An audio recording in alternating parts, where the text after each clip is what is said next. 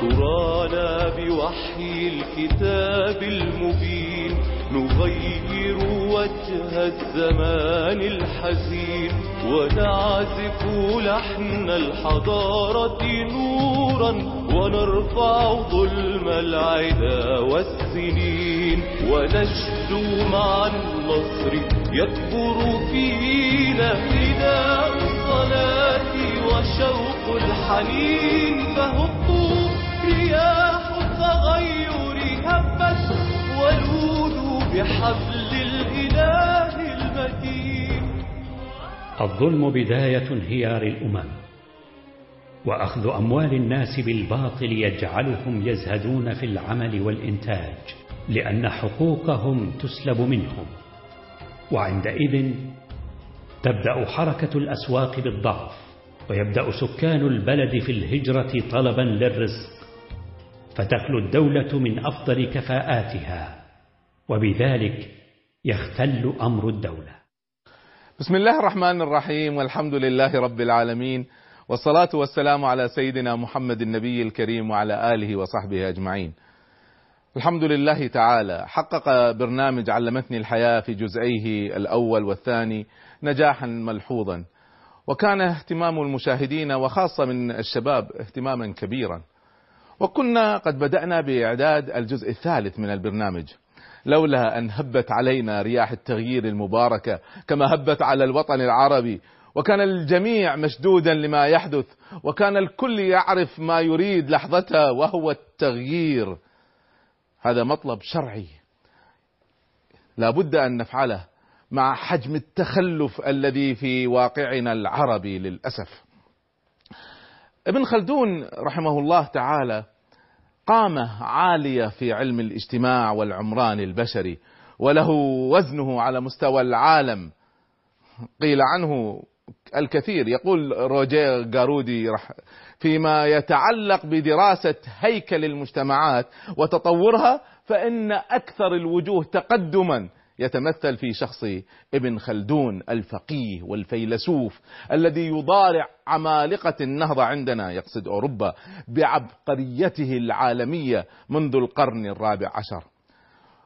يقول أرنولد توينبي المؤرخ الشهير والمتحدث عن علم الحضارات يقول ابتكر ابن خلدون وصاغ فلسفة للتاريخ هي بدون شك أعظم ما توصل إليه الفكر البشري في مختلف العصور والأمم. ولأن كلمة ابن خلدون التي سمعناها تختصر الكثير من أسباب المشهد العربي الحالي فقد حرصنا في هذا البرنامج على الاستشهاد في كل حلقة ونبدأها بإحدى مقولات ابن خلدون المقتبسة من مقدمته الشهيرة. لكن يبقى السؤال المهم في برنامجنا هذا رياح التغيير. هذا السؤال الذي يجب علينا إجابته. ماذا بعد أن يتحقق التغيير؟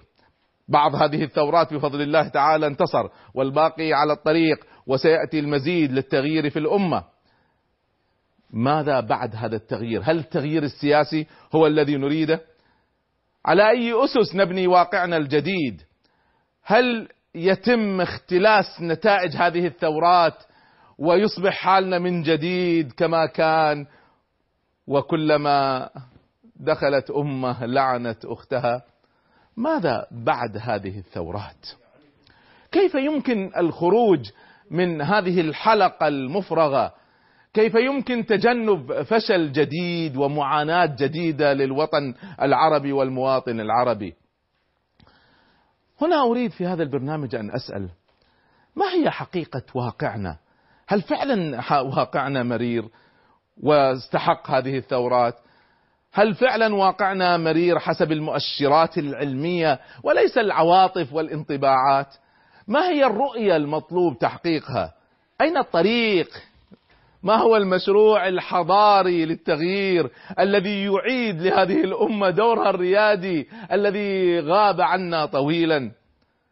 هل يمكن أن نحدد أن نكتب أن نخطط لخارطة طريق واضحة بهذا الأمل الذي يسكن في قلب كل مخلص لهذه الأمة؟ كيف كيف نحقق الحضارة من جديد؟ كيف نحقق مجالات التنمية المطلوبة؟ ما هي ما هي المؤشرات التي لو وصلنا إليها نقول نجحنا؟ ما هي المؤشرات للنجاح على في في إنجازاتنا؟ لكل هذا كانت فكرة برنامج رياح التغيير وهو باختصار الحقيقة كان كان الاسم الأول لهذا البرنامج مشروع التغيير الحضاري لكن الأخوة معي في الإعداد ومشكورين قالوا أن هذا ليس اسم تلفزيوني وإعلامي فغيروه إلى رياح التغيير. فرياح التغيير هو الاسم الإعلامي لمشروع التغيير الحضاري. هذا المشروع الذي ظللت أعمل عليه منذ عدة سنين وأي واحد ينظر في الواقع العربي المعاصر وبالذات في القرن العشرين في القرن الماضي. يدرك أن هناك تحولات رئيسية بارزة حدثت في الأمة. طبعا التحولات لا تتوقف. سقوط الخلافة طبعا كان من أعظم التحولات التي جرت في أمتنا. ثم وقوع البلاد العربية تحت الاستعمار. ثم جاءت فترة التحرر من الاستعمار. ثم حكومات التي زرعت لتقود وبعدها جاءت مجموعة من الانقلابات العسكرية. واستمرت هذه التحولات واستمر الظلم والجمود والتخلف. وطبعا جاء معه ضعف التنمية وفساد إداري وفساد سياسي وفساد مالي. كل هذا أدى إلى ماذا؟ أدى إلى فقدان الكرامة، فقدان الحرية، فقدان الرزق، انتشار الظلم، فأدى هذا إلى مجموعة من الثورات الشعبية في عدة دول عربية. وبدأت تقود المنطقة العربية بل تقود العالم في توقعي إلى مرحلة جديدة.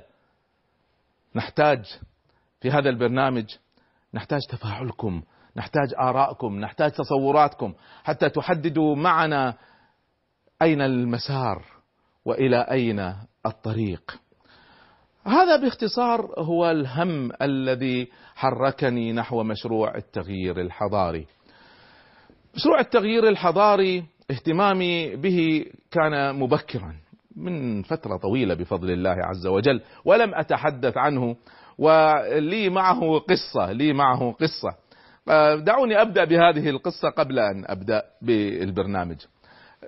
شغلتني قضية الحضارة منذ فترة طويلة وأذكر أني أول محاضرة عملتها بناء على بحث عملته في قضية الحضارة لما كنت في أمريكا طالبا وكانت محاضرة للأخوة الذين معنا في العمل الإسلامي هناك بعنوان صناعة الحضارة في عام 1986 فمنذ ذلك الوقت كنت أفكر كثيرا. هذه الأمة العظيمة أمة الإسلام هذه الأمة التي سادت البشرية التي قادت البشرية لقرون طويلة هذه الأمة العظيمة ما بالها؟ ما بالها لا تقود البشرية من جديد؟ لماذا لا نسود من جديد؟ لماذا لا نقود من جديد؟ ما الذي يعيقنا؟ ماذا نحتاج؟ أخذت أفكر كثيرا في هذا وكنت أتأمل أن يغنيني عن هذا الأمر وطرحه موضوع خطير جدا. كيف ننهض من جديد؟ كيف نبني حضارة من جديد؟ كنت أتأمل أن إخواني وأخواتي المفكرين والمفكرات أو مراكز الدراسات أن يغنوني عن هذه المسألة لأن هذا تخصصهم هذا شأنهم. وكنت حريصا على ألا أتكلم في الموضوع رغم انشغالي به. أنا يعني قراءات كثيرة وأبحاث كثيرة وتأملات كثيرة بل سهر الليالي. ومع ذلك كنت حريصا على ألا أتكلم وحريص أن يكون هذا الأمر لأهل التخصص فيه. وانتظرت طويلا. أنتظر أن يطرح المفكرون هذا المشروع كيف ننهض ما هي الخطة أين المسار؟ ثم اكتشفت أمرا وأنا متابع بالحمد لله بمتابعة أعتقد أنها جيدة لإنتاجات المفكرين ومراكز الدراسات. فوجدت أن المفكرين عندما يتكلمون عن الماضي يحسنوا وعندما يتكلموا عن الحاضر يبدعوا. أنا اليوم صباحا من بعد صلاة الفجر جلست أقرأ كتاب عن الثورة المصرية وتحليل الثورة المصرية وقرأت كل الكتاب فإذا فيه تحليل رائع لهذا الواقع لكن ليس فيه عن المستقبل إلا مجموعة شعارات. فهم عندما يتكلمون عن المستقبل تأتي الشعارات. الإسلام هو الحل. لا بد من الحضارة. لا بد من النهضة. لا بد أن نبدأ من حيث انتهى الآخرون. ندري ندري نعرف. نعرف أن هذا كله صحيح. بل يعني كان في التحليل ضرورة ألا تسرق الثورة. ضرورة أن نكرس العدالة. طيب هذا كله اتفقنا عليه ومن زمان اتفقنا عليه. السؤال الخطير كيف كيف كيف نضمن هذا؟ كيف نخطط لهذا؟ كيف نخطط أن نصل إلى الحضارة؟ كيف نخطط أن نضمن العدالة؟ كيف نخطط أن نحقق التنمية؟ هناك بعض الدول العربية والإسلامية استطاعت أن تفعل هذا. تركيا ماليزيا استطاعت أن تنقل أنفسها من تخلف إلى مسار الحضارة. وآن الأوان نحن في العالم العربي أن نفعل شيء من هذا ونحن جاهزون على فكرة. أنا الحمد لله أفهم قليلا في قضايا التخطيط وأدرس موضوع التخطيط الاستراتيجي. فبالنسبة لي هذه الشعارات الإسلام هو الحل لا بد من النهضة لا بد من الحضارة. هذه بالنسبة لي علميا كلام مرفوض. مرفوض تماما لأنه يعني أنه لا يشكل بالنسبة لي خطة ولا ملامح لخطة حتى. ليس هكذا ننهض. نعم لا بد أن نفهم الماضي. وقد فهمناه والحمد لله. ولا بد أن ندرس الواقع. وقد درسناه والحمد لله. لكن لا بد أن نخطط للمستقبل لا بد أن نحدد ما هو مسارنا المستقبلي. ماذا نريد وكيف نصل إلى ما نريد؟ من أجل هذا كانت فكرة هذا البرنامج. لهذا كانت فكرة هذا البرنامج الذي أسميته رياح التغيير. رياح التغيير التي نريدها أن تهب على أمتنا ليس فقط رياح تغيير سياسي لكن رياح تغيير لكي تحقق مشروع تغيير حضاري منشود. نريد أن نقود البشرية من جديد نريد أن نعيد حضارة الإسلام. ما سأطرحه عليكم ابتداء من اليوم وفي هذا البرنامج وعلى حلقات متتالية إن شاء الله هو اجتهاد تخطيط استراتيجي للأمة. يطرح مشروع تغيير حضاري ويحدد أهداف قابلة للقياس. نحققها في عشرين سنة إن شاء الله. أحدثكم عن فكرة المشروع بعد الفاصل إن شاء الله.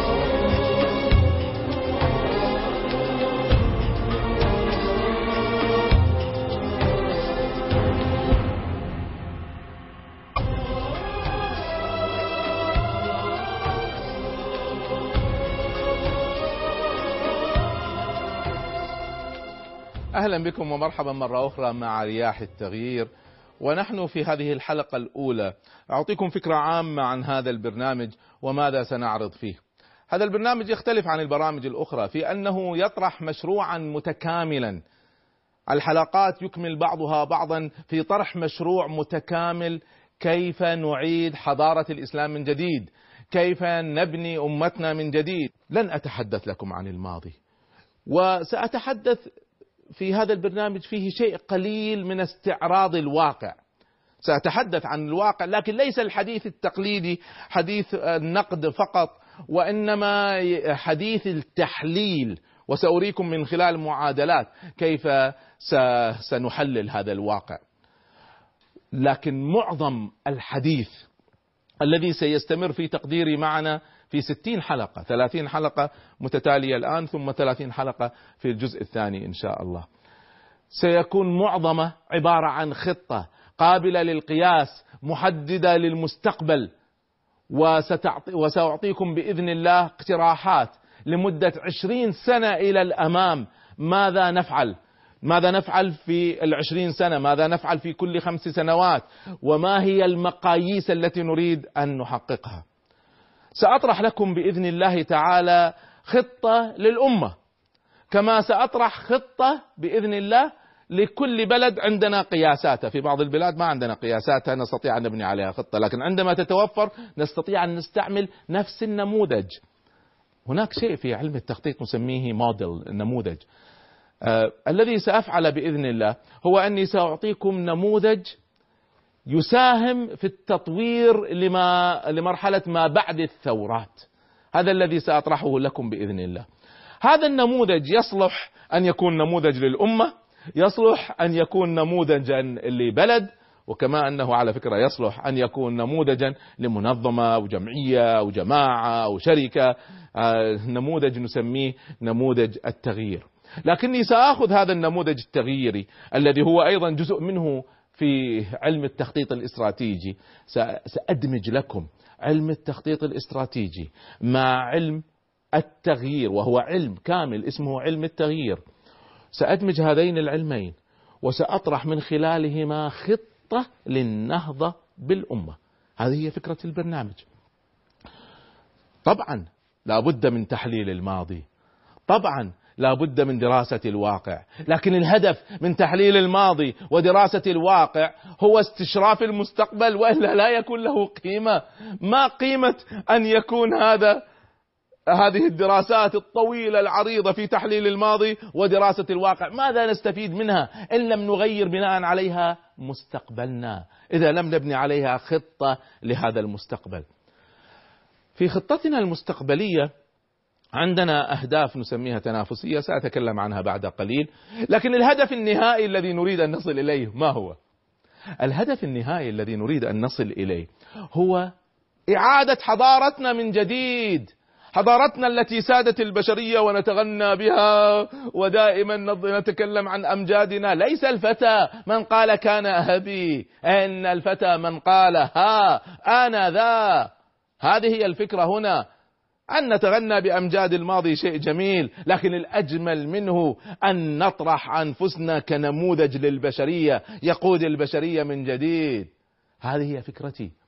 وأستطيع بإذن الله معكم وسنفتح لكم باب الاتصالات وستكون هناك حلقات خاصة إن شاء الله للاتصال المباشر والتعليق والاعتراض والاستفادة والتطوير من جهتكم لأن يستحيل أن يكون هذا مشروع شخص. هذا لابد أن يكون مشروع أمة. لكني أريد أن أفتح الباب فيه. وسميته عمدا مشروع التغيير الحضاري.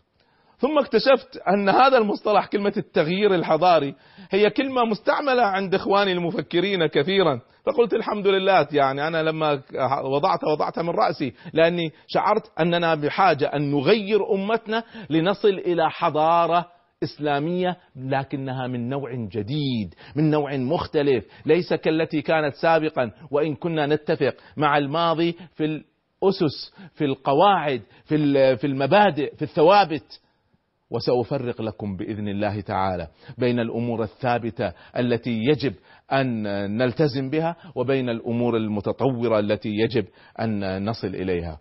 إذا نحن نريد أن نعيد حضارة الإسلام. مصطلح الحضارة هذا مصطلح الحضارة مصطلح مهم وخطير جدا والكثير من الناس يستعملوه. دعوني أعلق تعليقا عليه. أولا من ناحية التراث في التراث الإسلامي آه، لا بد أن نشير إلى أن كلمة الحضارة لم ترد لا في القرآن الكريم ولا في السنة النبوية المطهرة. على فكرة كما أنها قليلة الاستخدام جدا في الشعر العربي إذا لم تكن نادرة. وكذلك هذا هو حالها أيضا في تراثنا الإسلامي. نادر أن تجد أحد من السلف الصالح يستعمل كلمة الحضارة. على فكرة حتى لو رجعتم إلى المعاجم العربية القديمة مثل لسان العرب ولا القاموس المحيط آه، في الغالب لن تجدوا هذه الكلمة. لكنها صارت اليوم على كل لسان وطبعا صار عليها اتفاق ولا بد أن يكون عليها اتفاق. ماذا نقصد بتعريف الحضارة؟ ماذا نقصد بتعريف الحضارة؟ آه، تأملت في هذه المسألة تعريف الحضارة وقرأت ماذا يقول المفكرون في الحضارة. فوجدت أن المفكرين لهم طروحات كثيرة لكني لخصتها في هذه المعادلة. الحضارة بالنسبة لي حضارة لأمة في فترة الحضارة لأمة في حقبة فترة زمنية بالنسبة لي هي المنهج الفكري المتشكل في إنتاج مادي ومعنوي. أعيد. احفظوها. الله يرضى عليكم يا شباب بالذات احفظوها. الحضارة فكر. الحضارة فكر. فالحضارة هي منهج فكري. هذا المنهج الفكري إذا ظل في الرفوف في الكتب على الرفوف أو ظل في ندوات المفكرين يتداولونها بينهم ليس له قيمة لا يتحول الفكر إلى حضارة.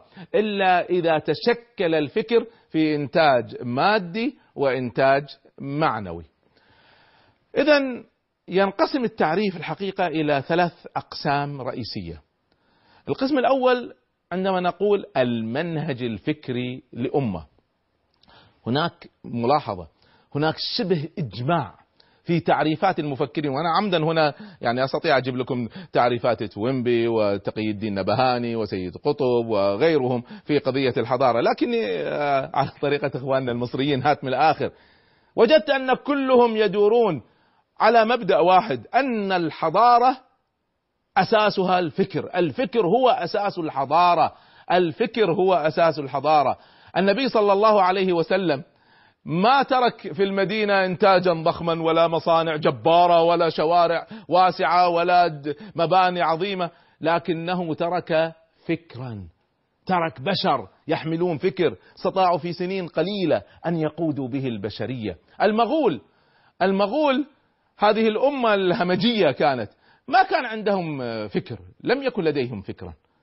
ولذلك رغم أنهم سيطروا بقوتهم العسكرية لأن ليس لديهم فكر هذا جعلهم يذوبون في الإسلام. يذوبون في الإسلام. إذا أساس الحضارة فكر. أي أمة لا تملك فكرا واضحا منهجيا لا تستطيع أن تبني حضارة. هذا الفكر كما ذكرت لكم لو ظل في الرفوف لو ظل في ندوات المفكرين لا يتحول إلى حضارة. ولذلك أنا حددت في تعريفي للحضارة قلت الحضارة هذا تعريفي أنا للحضارة الحضارة هي المنهج الفكري لأمة المتشكل في إنتاج مادي ومعنوي. إذا لم تتشكل يتشكل هذا الفكر في إنتاج ما يصبح حضارة. ولكن أعجبتني كلمة أعجبتني كلمة لأستاذنا الكبير الدكتور عماد الدين خليل. في كتابه حول الحضارة. فيقول في بعض الناس يقسم الحضارة إلى فكر أو إلى يعني حضارة ومدنية.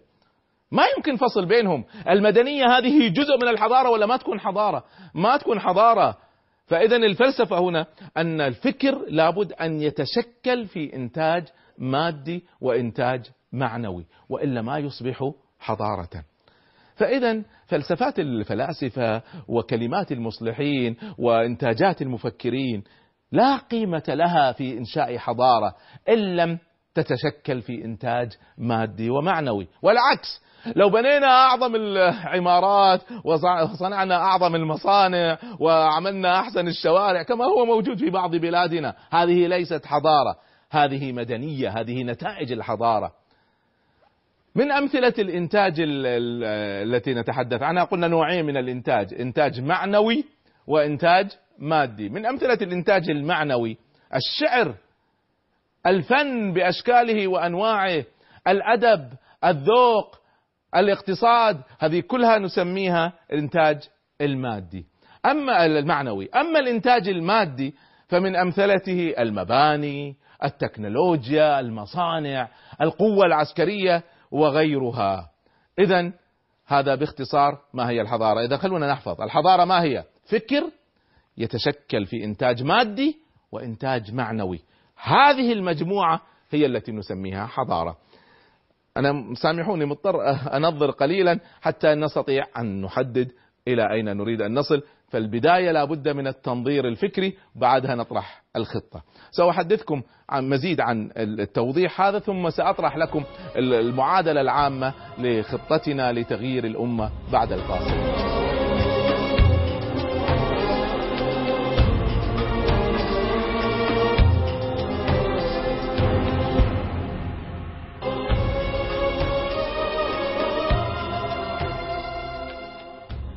أهلا بكم ومرحبا مع رياح التغيير مرة أخرى.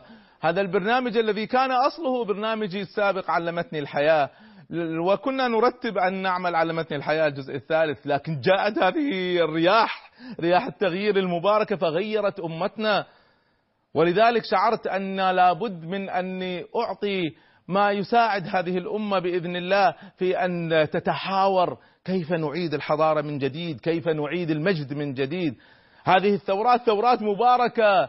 أنا دائما أكرر في محاضراتي وأقول الحمد لله أني عشت حتى رأيت هذا التغيير الذي يجري في الأمة. ما مت في عهود الاستعباد والاستحقار والاستبداد الذي كان يجري في الأمة. سنين طويلة ونحن نزرع في نفوس الشباب الأمل والحرية والكرامة والعدالة والنهضة والحضارة والمجد. هذه الكلمات ليس لها وجود حقيقي إلا في أجواء حرية فجاءت هذه الثورات المباركة فغيرت لنا هذا التغيير العظيم. السؤال الخطير هنا الآن ماذا بعد هذه الثورات؟ ماذا بعدها؟ هل التغيير السياسي هو الهدف؟ التغيير السياسي هو الوسيلة، ما هو الهدف؟ الهدف أن نبني أمة عظيمة حضارية، أمة عظيمة حضارية تقود البشرية من جديد، هذه الآمال اللي موجودة في نفس كل عربي وكل مسلم هذه الآمال بالوحدة الإسلامية والعزة والمجد وأن نقود البشرية كما قدناها في السابق. هذه الآمال لا تتحقق بالآمال لا تتحقق بالأحلام. هذه لا تتحقق إلا إذا وجدت خطة حقيقية تنقلنا من واقعنا المرير هذا إلى عصور الحضارة والمجد والعزة والكرامة. هذا الذي نطمح إليه هذا الذي نطمح إليه هو هدف هذا البرنامج. هذا البرنامج لن يتحدث عن الماضي هذا البرنامج لن يتحدث إلا قليلا عن شيء من تحليل الواقع لكن معظم البرنامج سأطرح من خلاله خطة عامة كيف ننهض من جديد. الفكر إذا لم يتحول إلى إنتاج مادي ومعنوي ليس له قيمة. سيبقى فكرا. كثير من الأفكار اللي الفلاسفة موجودة ويدرسها طلبة الفلسفة لكن ليس لها وجود في الواقع. ما قيمتها؟ القيمة الحقيقية هي للفكر الذي يتحول إلى واقع. النبي صلى الله عليه وآله وسلم ماذا ماذا أعطى للبشرية؟ ماذا أعطى للبشرية؟ النبي صلى الله عليه وسلم ما ترك كما ذكرت لكم لا مباني ضخمة ولا شوارع آه، واسعة ولا مصانع ولا النبي صلى الله عليه وآله وسلم ترك بشرا يحملون فكرا. في أقل من مئة سنة كان هذا الفكر سيطر من الصين إلى فرنسا. في أقل من مئة سنة. مسلمون انتهوا من فتح الأندلس سنة 95 هجرية. الرسول صلى الله عليه وسلم في سنة آه، آه، الرسول صلى الله عليه وسلم بدأ هذه الموجة من التغيير. 95 هجرية المسلمون انتهوا من فتح فرنسا. آه، من فتح أسبانيا ودخلوا فرنسا. المسلمون وصلوا إلى إلى الصين. كيف؟ وليس فقط فتح عسكري وإنما فتح للقلوب فتح للعقول. لم تحدث حادثة, اغتصاب واحدة لم تحدث. وفي أقل من 200 300 سنة كانوا هم الذين يسودون البشرية في الفلك وفي الطب وفي ما الذي تغير في هؤلاء العرب الذين كانوا يقتلون بعضهم؟ ما الذي تغير؟ تغير عندهم فكر. تغير الفكر. المبادئ. الفكر يشمل المبادئ القيم الطموحات فهم الحياة. هذا الذي تغير تغير بمنهج عظيم أصله القرآن الكريم وطبقته السيرة النبوية في أعظم نموذج هو نموذج محمد صلى الله عليه وآله وسلم. المدينة الفاضلة التي تكلم عنها الفلاسفة وتكلم عنها يعني ابن خلدون والفارابي وغيرهم هذه المدينة الفاضلة ليس لها وجود إلا في الكتب. المدينة الفاضلة الحقيقية التي طبقت هي التي طبقت في عهد النبي صلى الله عليه وسلم والخلفاء الراشدين. هل يمكن أن تعود من جديد؟ اسمحوا لي هنا قبل أن أشرح لكم معادلة التغيير.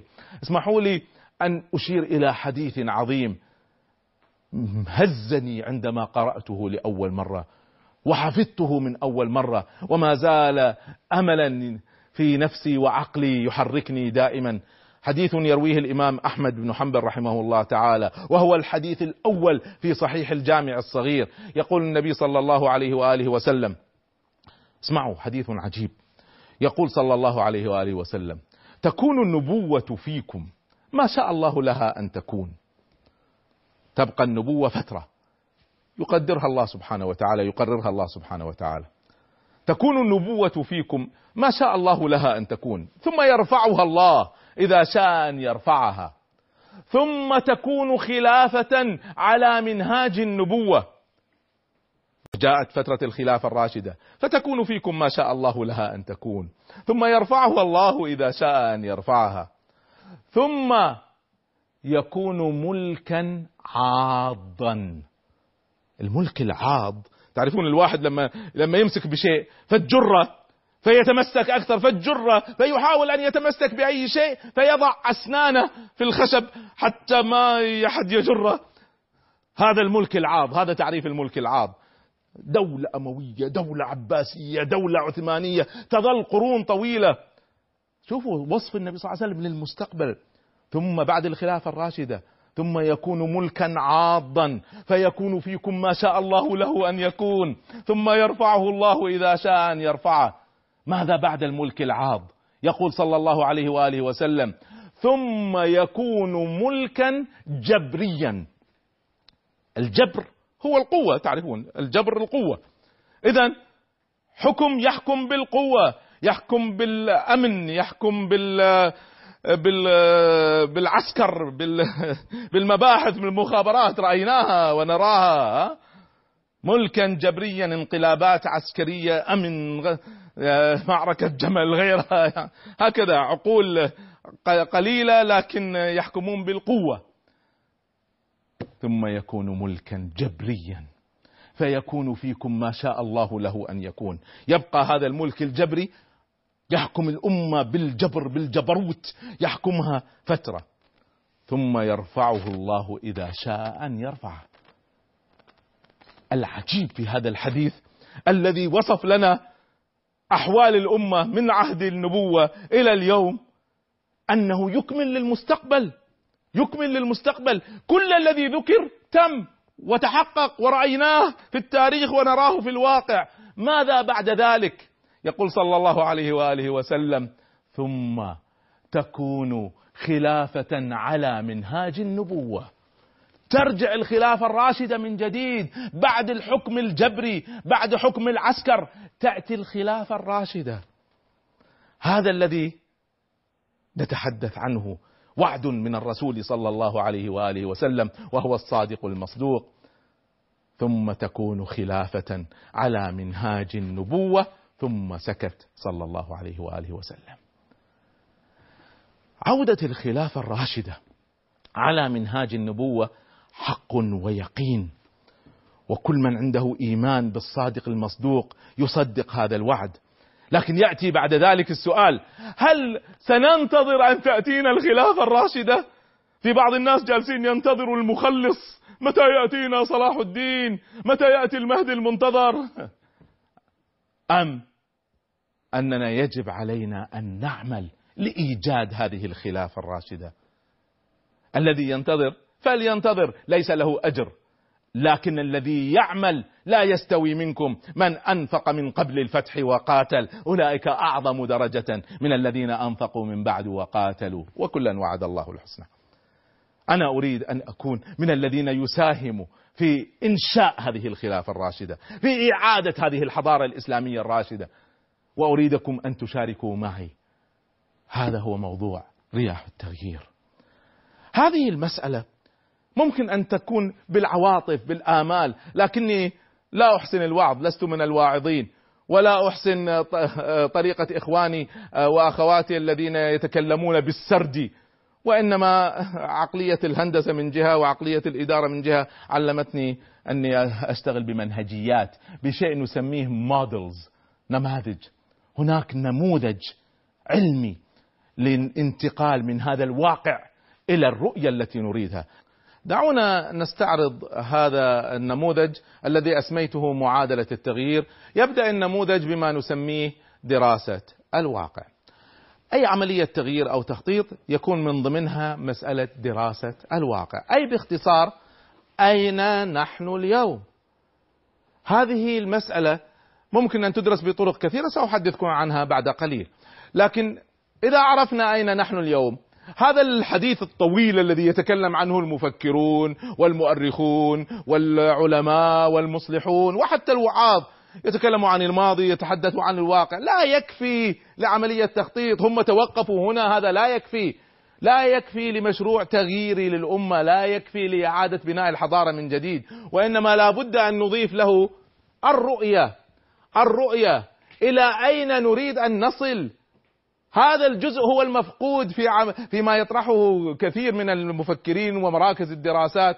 طلعت على مجموعة من الدراسات يتكلموا عن الماضي يتكلموا عن الواقع تحليل التجربة الماليزية تحليل التجربة التركية تع... تمام عرفنا عرفنا الواقع.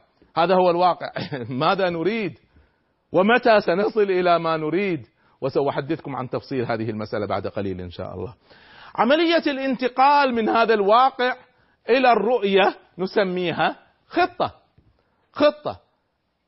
فهناك عملية بروسيس هذا الانتقال ليس انتقال مفاجئ. It's not an incident. هذه عملية لها مراحل. عملية بروسيس عملية لها مراحل لها خطوات. هذه ليست كلمة عامة وإنما لها منهجية وأيضا سأحدثكم عنها إن شاء الله. هذا النموذج حتى الآن نسميه التخطيط. عندما نضيف له المقاومة يصبح نموذج التغيير. إذا النموذج هنا يضاف إليه عملية التخطيط. إذا أضفنا إليها المقاومة ما الذي يمنعنا من تحقيق أهدافنا؟ عندما نضيف هذا يصبح تصبح معادلة تغيير يصبح خطة تغيير. فإذا التخطيط هو جزء من التغيير. التخطيط هو دراسة الواقع تحديد الرؤية وتحديد الخطة. عندما نضيف لها ما الذي يمنعنا؟ الذي نسميه ريزيستنس نسميها المقاومة يصبح مشروع التغيير. إذا فهمنا هذه الأربع وحددناها وخططنا لها عندها يكون عندنا مشروع للتغيير الحضاري للأمة إن شاء الله. هذا النموذج سيكون معنا في كل حلقة لأن داخل تفاصيل وهذه التفاصيل ستشكل كل جزء منها حلقة من حلقاتنا. سأشرح هذا النموذج بتفصيل أكثر وأعطيكم القواعد العامة له لكن بعد الفاصل إن شاء الله.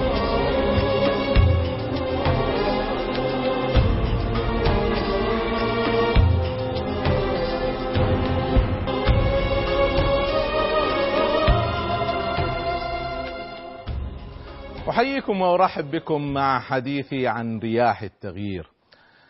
في رياح التغيير باختصار هدفي من هذا البرنامج أن نتشارك في وضع خطة لتغيير الأمة، لإعادة حضارتنا من جديد. هذه هي الفكرة، هذه هي الفلسفة التي نريد أن نبني عليها هذا البرنامج.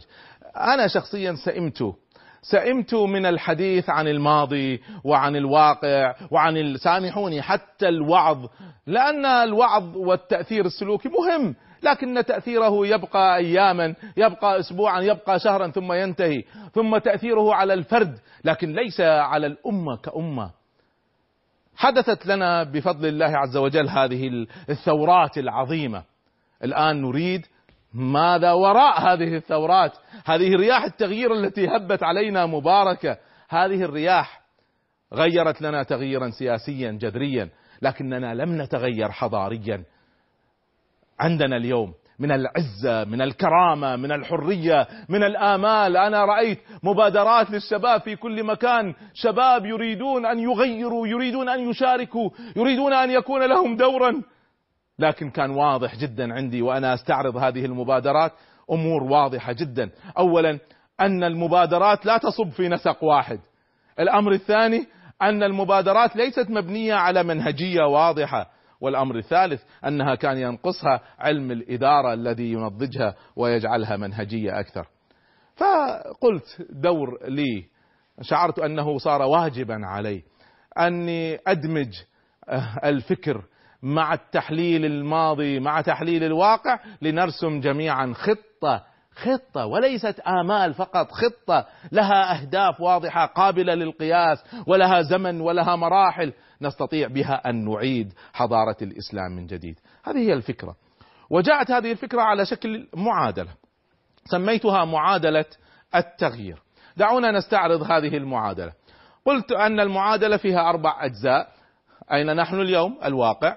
إلى أين نريد أن نصل؟ الرؤية. كيف ننتقل من هذا الواقع إلى هذه الرؤية؟ الخطة. ثم سندرس. ماذا يمكن أن يمنعنا من تحقيق أهدافنا؟ ونسميها المقاومة. دعوني أفصل في كل واحدة منها جزءا جزءا. في دراسة الواقع في دراسة الواقع هناك طرق كثيرة. من الطرق التقليدية أن ندرس الإيجابيات والسلبيات الفرص والمخاطر نقاط القوة نقاط الضعف سوات هذه كلها طرق تقليدية على فكرة. لا تصلح للتخطيط الاستراتيجي تصلح للتخطيط التشغيلي. هذه طرق على فكرة من الناحية العلمية ضعيفة جدا. لا تستعملوها في التخطيط الاستراتيجي. لا بأس أن تستعملوها في التخطيط التشغيلي.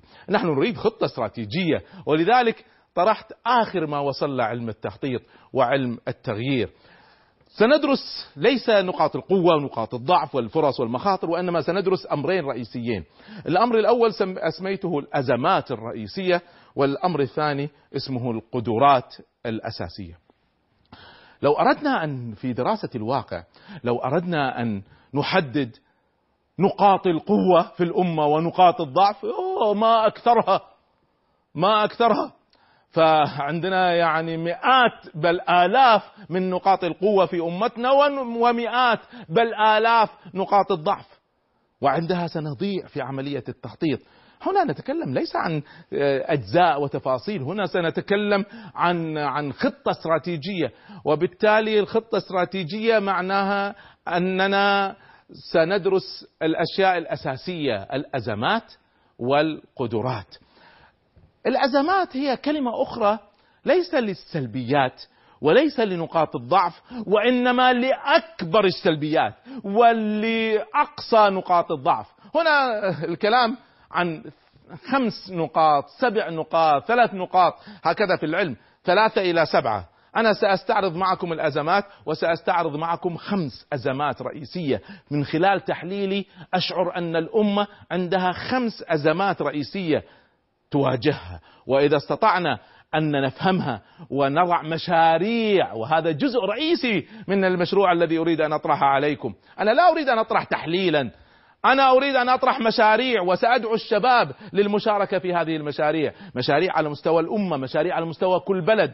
وسيكون لكم دور سيكون لكم دور رئيسي في هذه المشاريع. كل شاب كل فتاة يختار المشروع الذي يناسبهم وينضموا إليه ويعملوا من خلاله. أنا لا أستطيع أن أغير الأمة وحدي مهما كان عندي من تخطيط وإنما سنحتاج إلى جهد أمة لنستطيع أن نغير الأمة. إذا مجموعة من الأزمات سنفصلها في الحلقات القادمة. ستتحول هذه ليست إلى الذين يتكلموا عن الأزمات عادة لا حول ولا قوة إلا بالله وإحنا عندنا مشكلة. ما يكفي البكاء لا يكفي للتغيير. سنحدد الأزمات ونحدد بناء عليها مجموعة من المشاريع وسأدعوكم للمشاركة في هذه المشاريع. وسأطلب منكم أن تكون معكم أوراق وأقلام في الحلقات القادمة حتى تكتبوا معي بعض الأفكار الرئيسية وسنحدد بعض المشاريع وسيكون لنا أيضا website سيكون لنا موقع إلكتروني تستطيعوا أن تنضموا من خلاله.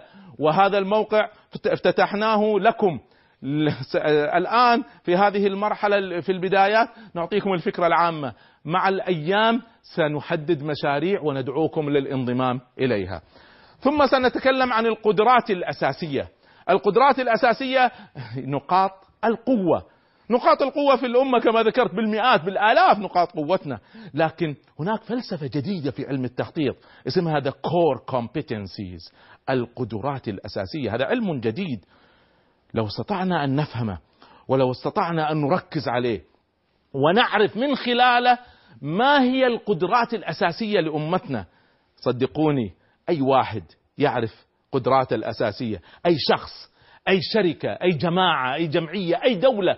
أي أمة تعرف قدراتها الأساسية ستستطيع بتركيزها على قدراتها الأساسية أن تكتسح المنافسين. سنكتسح المنافسين لو عرفنا قدراتنا الأساسية وركزنا عليها.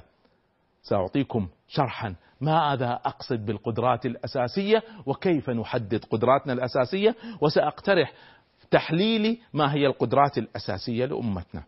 هذا دراسة الواقع. بعد ذلك سأنتقل إلى الرؤية.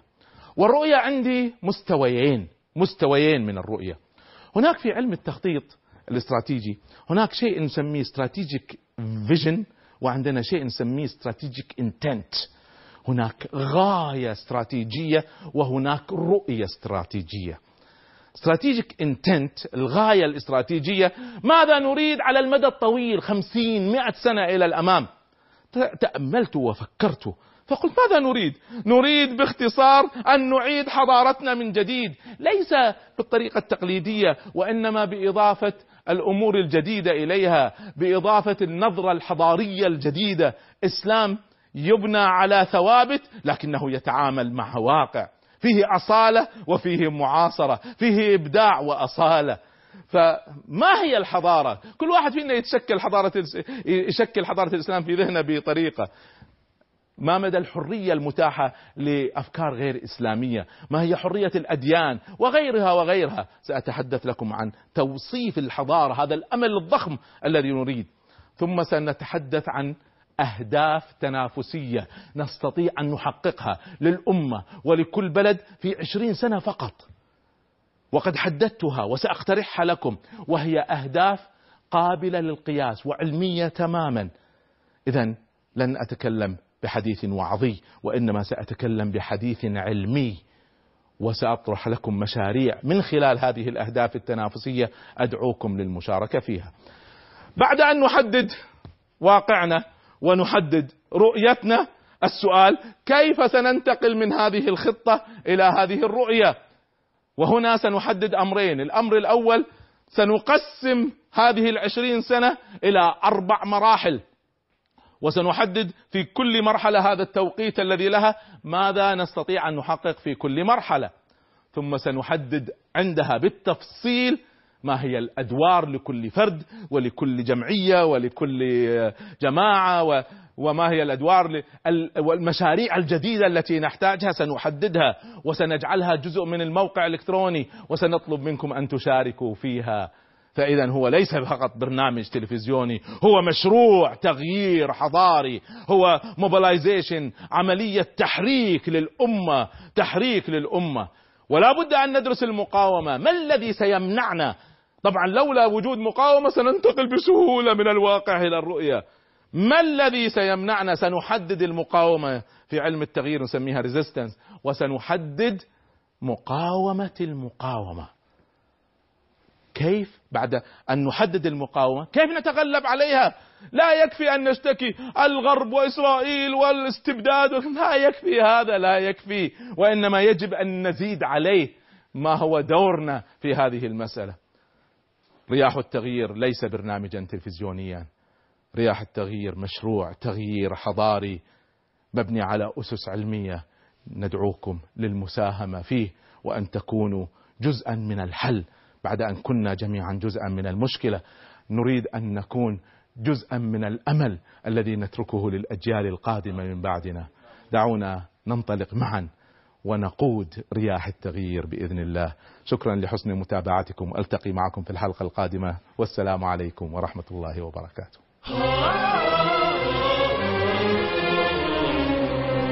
ترانا بوحي الكتاب المبين نغير وجه الزمان الحزين ونعزف لحن الحضارة نورا ونرفع ظلم العدا والسنين ونشدو مع النصر يكبر فينا فداء الصلاة وشوق الحنين فهبوا رياح التغير هبت ولولوا بحبل الإله المتين.